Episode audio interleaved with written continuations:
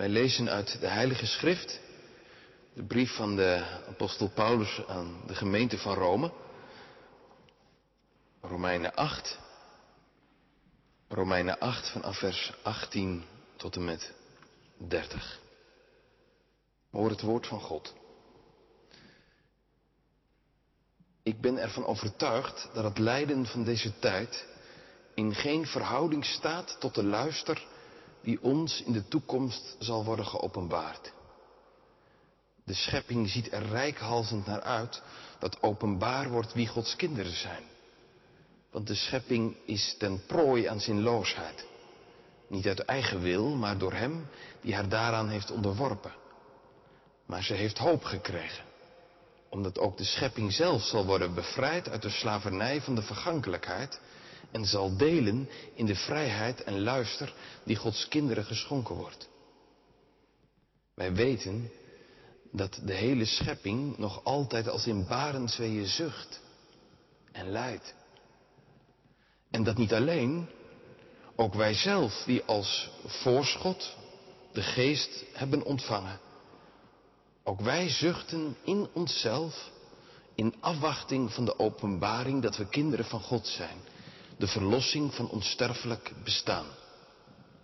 In deze hoop zijn we gered. Als we echter nu al zouden zien waarop we hopen, zou het geen hoop meer zijn. Wie hoopt er nog op wat hij al kan zien? Maar als wij hopen op wat nog niet zichtbaar is, blijven wij in afwachting daarvan volharden. De geest helpt ons in onze zwakheid. Wij weten immers niet wat we in ons gebed tegen God moeten zeggen. Maar de geest zelf pleit voor ons met woordloos zuchten. God die ons doorgrondt, weet wat de geest wil zeggen. Hij weet dat de geest volgens zijn wil pleit voor allen die hem toebehoren. Wij weten dat voor wie God liefhebben, voor wie volgens zijn voornemen geroepen zijn, alles bijdraagt aan het goede. Wie hij al van tevoren heeft uitgekozen, heeft hij er ook van tevoren toe bestemd om het evenbeeld te worden van zijn zoon, die de eerstgeborene moest zijn van talloze broeders en zusters. Wie hij hiertoe heeft bestemd, heeft hij ook geroepen. En wie hij heeft geroepen, heeft hij ook vrijgesproken. En wie hij heeft vrijgesproken, heeft hij nu al laten delen in zijn luister. Tot zover de woorden van God. Zalig die het woord van God hoort, bewaart en ook doet. Sommigen van u komen, en van jullie komen misschien wel uit een traditie waarin er in drie punten werd gepreekt. Tegenwoordig is dat in de preekkunde weer een model wat uit is. Omdat het meer een filmische, bewegende preek moet zijn dan een stellende puntenpreek. Toch heb ik voor vanmiddag min of meer drie punten. En dat heeft alle, allemaal te maken met een driedubbele zucht, zou ik bijna zeggen, die vanuit Romeinen 8 tot ons komt. Allereerst vers 22. Wij weten dat de hele schepping nog altijd als in barensweeën zucht en lijdt. En dan in het 23e vers, en dat niet alleen, ook wij zelf, die als voorschot, als eersteling de geest hebben ontvangen, ook wij zuchten in onszelf. In afwachting van de openbaring dat we kinderen van God zijn. En dan vervolgens gaat het over het zuchten van de geest in vers 26. De geest helpt ons in onze zwakheid. Wij weten immers niet wat we in ons gebed tegen God moeten zeggen.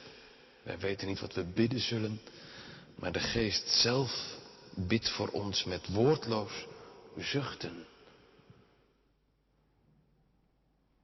Allereerst dus, geroepen gemeente van Jezus Christus, het zuchten van de schepping. Zo staat dat. Wij weten dat de hele schepping nog altijd als in barensweeën zucht. Zo schrijft Paulus dat aan de gemeente van Rome. Wij weten, wij, ik, Paulus, maar ook u, gemeente van Rome, u weet het toch dat de schepping zucht. de dieren, de bomen, de struiken, hoogzwanger. Het is het zuchten van de laatste weeën. Een schepping die leidt en uitziet naar volkomenheid en nieuwheid. Hoe weet je dat, Paulus, dat de schepping zucht? Wie heeft je dat verteld? Heb je dat ooit een keer gehoord? Ik weet niet wat u hoort als u misschien wel op een zondag als deze in de schepping wandelt of fietst. Hoort u het fluitenkruid zingen? Hoort u het geritsel van de blaadjes? Of kijkt u helemaal niet meer op zo'n manier? Ik weet nog goed dat mijn vader vroeger tegen mij zei op zaterdagmorgen, wanneer we de tuin deden en we bij de vrouwenmantels stonden, kijk, zei hij, God heeft zijn kartelschaar gepakt en de blaadjes met een kartelschaar afgeknipt. Natuurlijk wist ik ook wel dat dat zo, maar toch was dat wel mooi. Dat je op zo'n manier kijkt en leert kijken. Zoals Godfried Bomans zegt, als er dauwdruppels op het veld liggen, daar ligt een veld vol parels. Dat wij meer zien dan wat misschien met onze ogen en ons door de biologie en wetenschap gevormde verstand zichtbaar is. Is het zoiets? Ja, natuurlijk is het zoiets. De ogen en de oren van Paulus zijn opengegaan. De schepping is niet alleen opgenomen in de loop van de seizoenen. Nee, de schepping stuurt ook toe naar de voleinding. De dag dat Jezus komt en de schepping vernieuwd zal worden. De schepping lijdt onder de gebrokenheid, onder het verderf, onder de zinloosheid. De schepping is de dupe van onze hoogmoed. Meegesleurd in onze ellende. En de schepping ziet uit naar het moment dat de bergen weer zullen springen en de bomen zullen klappen in het veld. En een bevalling kan lang duren. En de schepping zucht. Eigenlijk een heel gepersonifieerd beeld dus van de schepping. De schepping als een zuchtende vrouw. Er komt een dag dat de schepping weer zal glanzen en zal stralen. Dat het weer goed zal zijn. En dat de schepping weer helemaal tot eer van de schepper zal zijn. En zie, het was goed. In ieder geval wordt het op deze manier wel duidelijk dat het de God van Israël ook om de schepping te doen is. De mens mag dan de kroon op de schepping zijn, maar dat wil niet zeggen dat de schepping slechts decor is. Een gordijntje op de achtergrond. Maar tegen de mens zijn toneelstuk speelt. Nee, de God van Israël is de God van het stof. Daarin van de schepping. Zonder daar vanmiddag een hele Bijbelstudie over te houden, maar is het niet opvallend dat bijvoorbeeld Jona en Nineveh, dat dat hele boekje Jona eindigt met die dieren. Dat God zich toch ook nog wel mag ontfermen over de dieren. We moeten God niet al te zielig maken. De Heere laat niet los het werk van zijn handen. Ook de schepping zal hersteld worden, verheerlijkt. Ja, hoe zal het er dan uitzien? Zullen er dan seizoenen zijn? Ach, het zal in ieder geval nog heerlijker zijn dan in het paradijs. Dwars door het vuur van het oordeel heen zal ook de schepping vuur vast worden.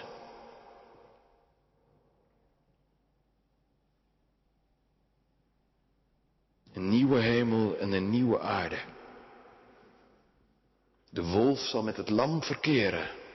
Beeldspraak, jazeker, maar de schepping doet dus mee. En tot die tijd zucht de schepping.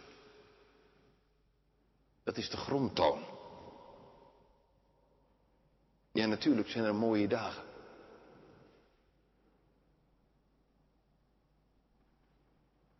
Dat is dus een verlangend zuchten, zoals een vrouw in barensnood. Een vrouw die hoogzwanger is en haar kind verwacht. Zuchten. Nee, dat zie je niet zomaar.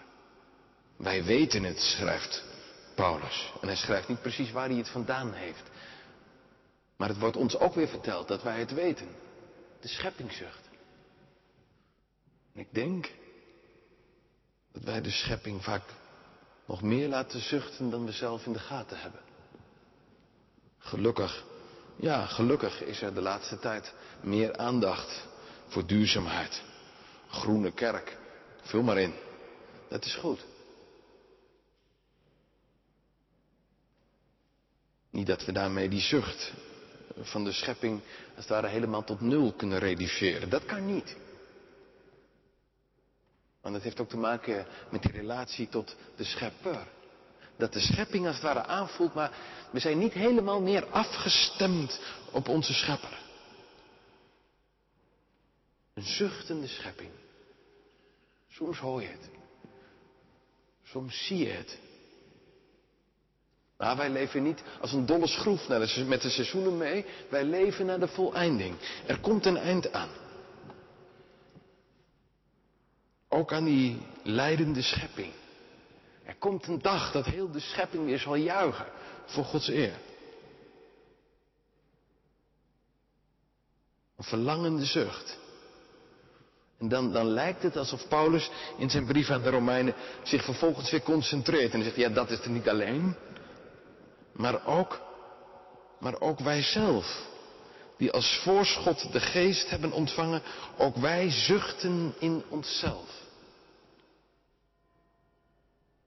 Die als eersteling de geest hebben ontvangen. In de verwachting van de openbaring dat we kinderen van God zijn. Ook wij zelf, die als voorschot, als eersteling de geest hebben ontvangen, ook wij zuchten in onszelf. Komt u zo ook wat tegen? Of jij, zuchtende mensen. zeggen de mensen soms. Ik heb het zo druk. Of, wat heb ik een pijn? Of, zuchtende mensen. Ja, zuchtende mensen, ja. Dat is een zucht, ja, van het mensheid zoals ze. Maar hier, hier gaat het over een andere zucht. Hier gaat het over de zucht die in je leven gekomen is doordat je de geest gekregen hebt. Die als voorschot de geest hebben ontvangen. U weet het, Pinkster is een oogstfeest. Begin van de tarweoogst die voltooid zal worden met het Loofhuttenfeest. Dan was de oogst voleindigd. En zo is die geest, als het ware, het voorschot, het begin van de oogst. En staat het nog uit tot de voleinding. We leven, als het ware, dus tussen Pinksteren en Loofhuttenfeest in. Er is een begin, een beginsel van Gods koninkrijk. Maar, maar het is nog maar ten dele. En tegelijk is dat voorschotje wel een belofte. Het gaat de goede kant op. Wat doet de Heilige Geest? Nou, de Geest die leidt. De Geest doet roepen, Abba, Vader. Maar de Geest doet dus ook zuchten. En dat niet alleen, ook wij zelf, die als voorschot de Geest hebben ontvangen. Ja, zo is het toch, gemeente van Rome en van Utrecht. Dat wij de Geest ontvangen hebben door God uitgestort. Ook wij zuchten in onszelf. Vol verlangen en vol van hoop. En we zien uit naar, ja naar wat? Naar de openbaring dat we kinderen van God zijn. Zuchten, dat is dus iets van, van God zelf, wat Hij in ons brengt. Hij die de adem blaast. Hij blaast in ons en doet ons zuchten. Zonder de geest van God zouden we niet zuchten. Hooguit een beetje puffen. Maar zuchten. Zuchten, dat is iets van het beginnetje van het nieuwe. En weten dat het nog wel helemaal komen moet. Zuchten heeft te maken met het feit dat je weet dat je iets mist. Zuchten heeft te maken met een, een voorproefje krijgen.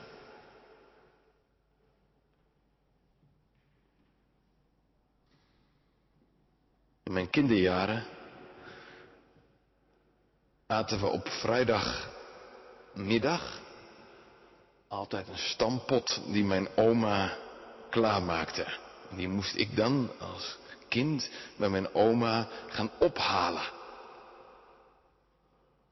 Vaak samen met mijn broer. Tegen etenstijd. Intussen werd thuis de tafel gedekt. Een paar minuten fietsen. En dan kwamen we bij mijn oma in de keuken. En dan stond er op zo'n warmhoutplaatje, zo'n grote pan met stampot te prutten. En er lag er zo'n lepeltje naast. En dan mochten we even proeven. Een jaar of tien, twaalf, veertien. Heb je trek natuurlijk. En dan, dan heb je zo'n klein lepeltje in je mond. Voorproefje. En dan krijg je toch trek van, joh. En honger. Dan ga je met de smaak in de mond van die, van die maaltijd, van het vooruitzicht, ga je naar huis. Smaken doet smachten. Dat is het. Smaken doet smachten. En de geest, als een voorschot van de volle oogst, van de heerlijkheid die komt, die doet ons zuchten. De geest is als dat kleine lepeltje. Die doet verlangen naar meer. De geest geeft ons heimwee naar huis. Naar de volle heerlijkheid. Het is dus ook een verlangen zuchten. En een hoopvol zuchten. De geest die doet ons zuchten in onszelf, staat er. Het is mooi dat dat staat, in onszelf. Dat is misschien wel kenmerkend. Dat we misschien naar buiten toe dat niet altijd zo laten merken. Het is niet maar een zuchten in de ruimte. De geest doet zuchten in onszelf. Ja, hij schakelt ons er wel bij in. In afwachting van de openbaring dat we kinderen van God zijn. Zover, ja maar wacht eens even, Paulus. Je bent toch al een kind van God? Ja, maar in de hoop en in de belofte. Nee, dat maakt het niet minder zeker.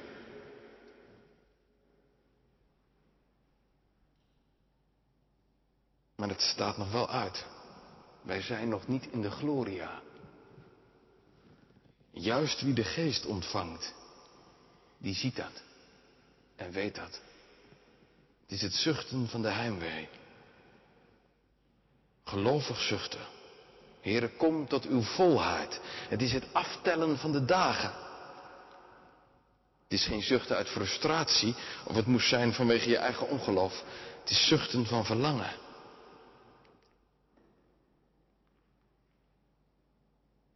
In de afwachting, in de verwachting van het openbaar worden van de aanneming tot kinderen.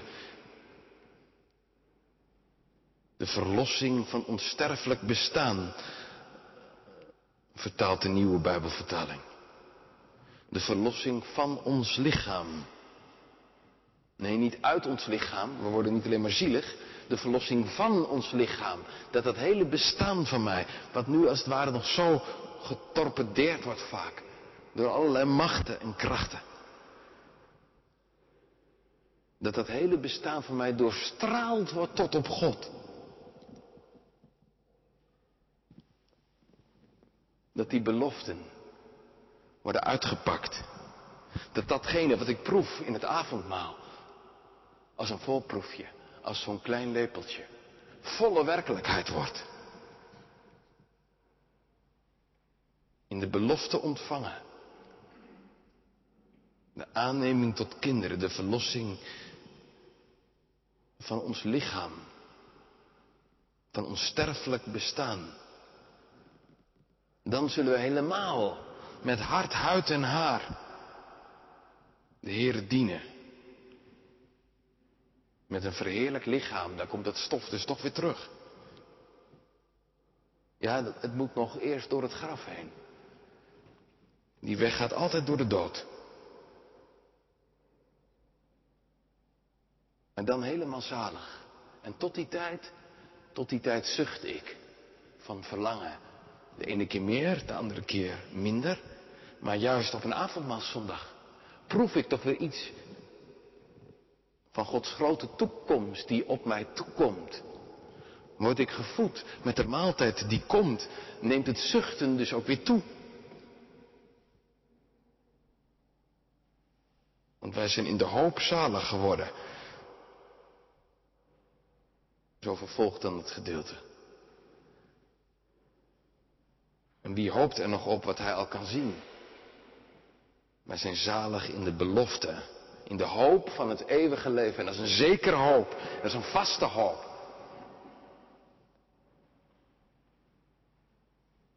Nou, wat kan het moeilijk zijn om de smaak vast te houden?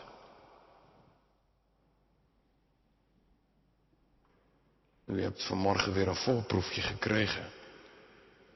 Wat is dat goed en wat heb je dat nodig? Want,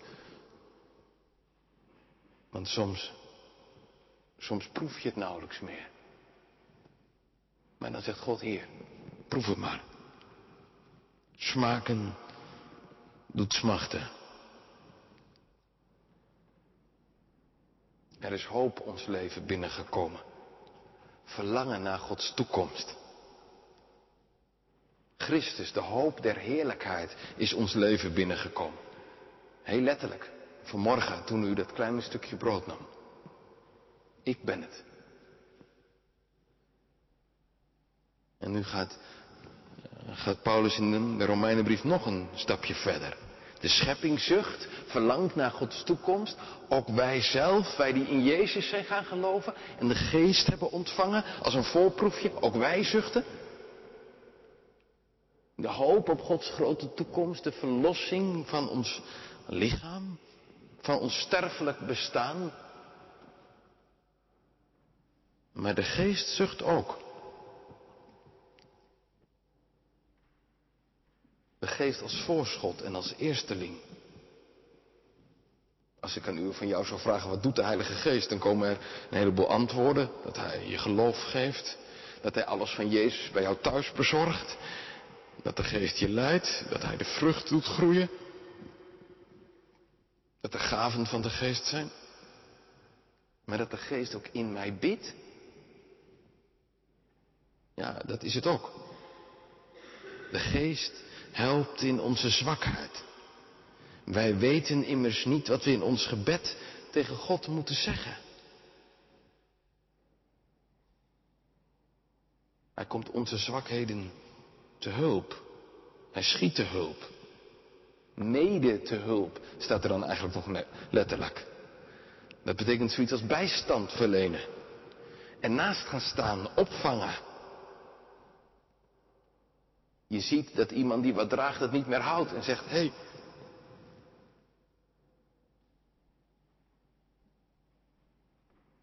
Kleine kinderen die iets zelf willen tillen. Soms ook heel eigenwijs. En je, het gaat een meter goed, een twee meter goed. En dan, dan denk je als vader of als moeder, ik zal wel even helpen, maar ja, het is natuurlijk niet de bedoeling dat je dat uit handen neemt. Nee, je, je tilt als het ware de armen van je kind op. Kom maar. Wat kun jij, wat kun jij dat goed tillen, joh? Ja. De Geist hilft unser Schwachheit auf. Geest tilt onze zwakheid op. Dat werkwoord van de geest die te hulp komt, Komen we in de Bijbel nog een keer tegen. Martha, de bezige bij. Ze zegt tegen Jezus, Maria had mij toch wel te hulp kunnen komen. Een hand uit kunnen steken, mee kunnen dragen. Nou dat, dat doet dus de geest. Die draagt dus mee.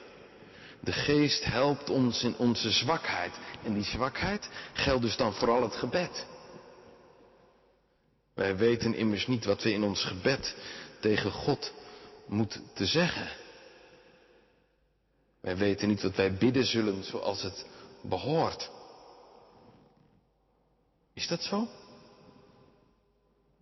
Ja, toch?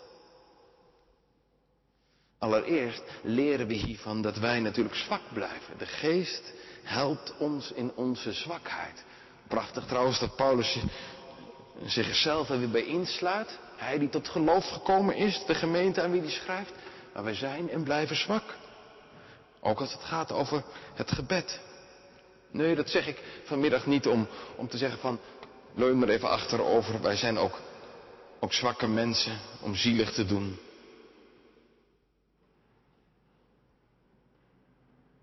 Maar het wijst ons wel op onze plaats. Wij zijn als, als kinderen die soms wat denken te kunnen tillen, maar die het vaak zelf niet redden.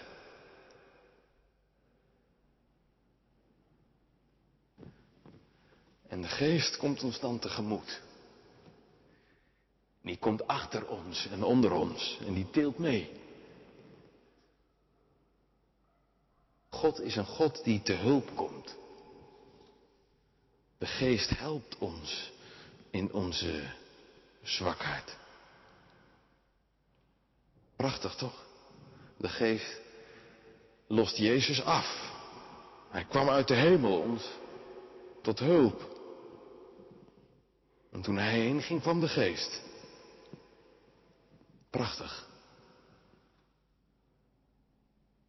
God zegt dus niet, ik kan niet aan de gang blijven met helpen. Nu moeten jullie het zelf maar weer doen.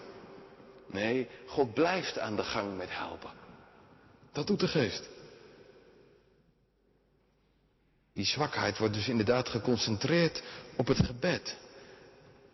Wij weten niet wat we bidden zullen zoals het behoort, of zoals het hier staat.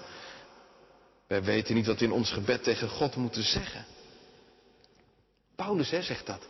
Paulus. Wij weten niet wat we in het gebed tegen God moeten zeggen. Wij weten niet wat we bidden zullen zoals het behoort. Wij weten eigenlijk helemaal niet hoe we bidden moeten. Ja, hoe is het bij u gegaan als u bidt? Van wie hebt u het geleerd eigenlijk misschien wel? Van vader of je moeder of je opa of oma? Of je deed de dominee na in de kerk, handen vouwen, ogen dicht. En dan begin je met amen zeggen. En, nou, zo leer je bidden. En, en ik weet niet precies hoe, hoe u dat hebt, maar je hoort soms mensen bidden dat je denkt, oh, wat kan die goed bidden.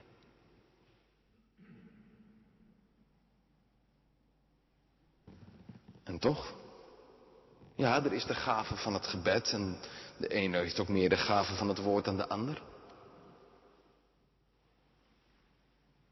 Maar, maar als Paulus al zegt, wij weten niet wat we bidden zullen zoals het behoort, als wij in onze gebeden zwak zijn, of is dat nederige hoogmoed van Paulus? Nee.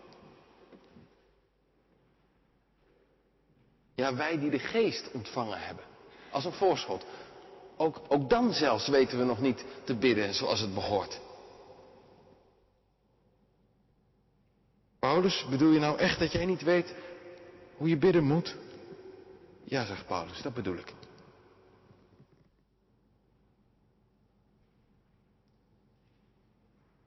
Wij weten immers niet wat we in ons gebed tegen God moeten zeggen.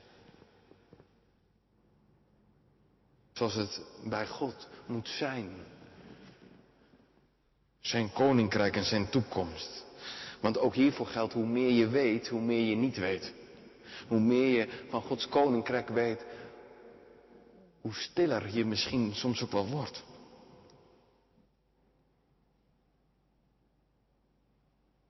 Dit zinnetje zet ons dus ook op onze plek. dat ons bidden vaak te kort is. Kent die woorden van Guido Gezelle toch wel? Gij bad op ene berg alleen en Jezus, ik en vind er geen waar ik hoog genoeg kan klimmen om u alleen te vinden. De wereld wil mij achterna al waar ik ga of sta, of ooit mijn ogen sla. En arm als ik en is er geen, geen een die nood hebben en niet klagen kan, die honger en niet vragen kan, die pijnen en niet gewagen kan, hoezeer het doet. O leer mij, arme dwaas, hoe dat ik bidden moet. Zwak in het bidden. Misschien wel verhuld doordat je heel veel woorden gebruikt. Maar dat is toch nog geen gebed? Soms zoveel gepraat dat nergens op slaat. Gebabbel tegen God. Soms zo egoïstisch in plaats van naar Gods eer. Vaak zo pover in vergelijking met de heerlijkheid van God. We zijn zo arm. We halen het niet. We brengen het niet op het niveau waarop het wezen moet. Maar dan zegt God niet van nou dat is niks met jou. En je bidden ook al niet. Nee, de geest komt ons dan te hulp. Die gaat erachter. En die gaat eronder staan. En die gaat er meedoen. Hij gaat meedragen. Meebidden. Meezuchten. De geest doorademt dat zwakke gebed van mij. Er zijn mensen, u misschien wel, die aan den lijf hebben ondervonden hoe dat is als je aan de beademing ligt. Je zucht misschien zelf, maar als het niet geholpen wordt, is het niks. Zo is ons bidden te weinig. Maar de geest, die komt te hulp. Hij omvat onze zuchtjes. Met woordloos spreken, staat er dan. Met woordloos zuchten of met onuitsprekelijke zuchtingen. Wat dat precies is geweest, daarover is veel te doen. Is dat woordeloos? Is dat tongentaal? Het is een gebed uit het hart van de mens tot God, waarin de geest tot God zucht. Hij vertaalt, vertaalt en vertolkt de gebeden, zodat ze passend worden op het niveau waar ze horen. De geest hoort het zuchten van de schepping. Hij hoort het zuchten van de gemeente. Hij neemt het op en draagt het tot voor God. Hij verleent er goddelijke kracht aan. Aan dat hortige en dat stoterige gebed van ons. Of gaat het bij u en bij jou zo goed, dat bidden?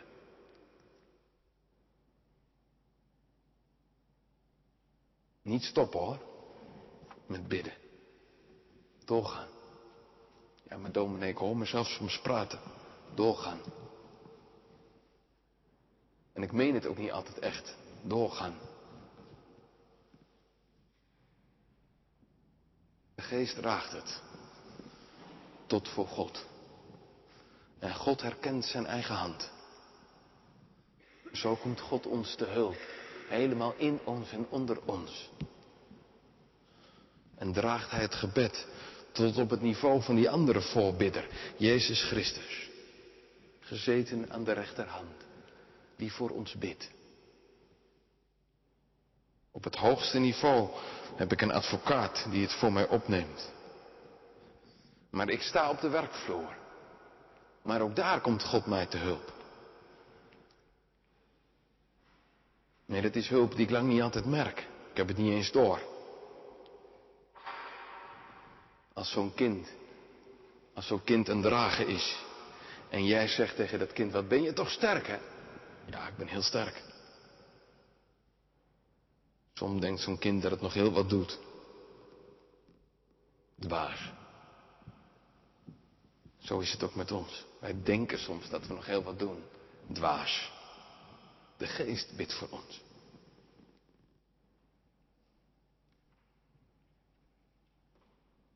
De geest bidt voor ons met woordloos spreken. God houdt niet van luie mensen. Maar die troost wel. Ik vind het eigenlijk ook troostend dat Paulus zegt, ik weet niet zo goed hoe dat moet. Bidden. Het hangt dan gelukkig blijkbaar ook niet van mijn bidden af. De geest omvat dat zuchtje van mij. En als God nou zo te hulp komt, in dat voorproefje, en in de geest die voor mij zucht, tot op God, dan mag ik hoop hebben. Hoop op God en op zijn toekomst. Dan zucht ik naar de voleinding. Amen.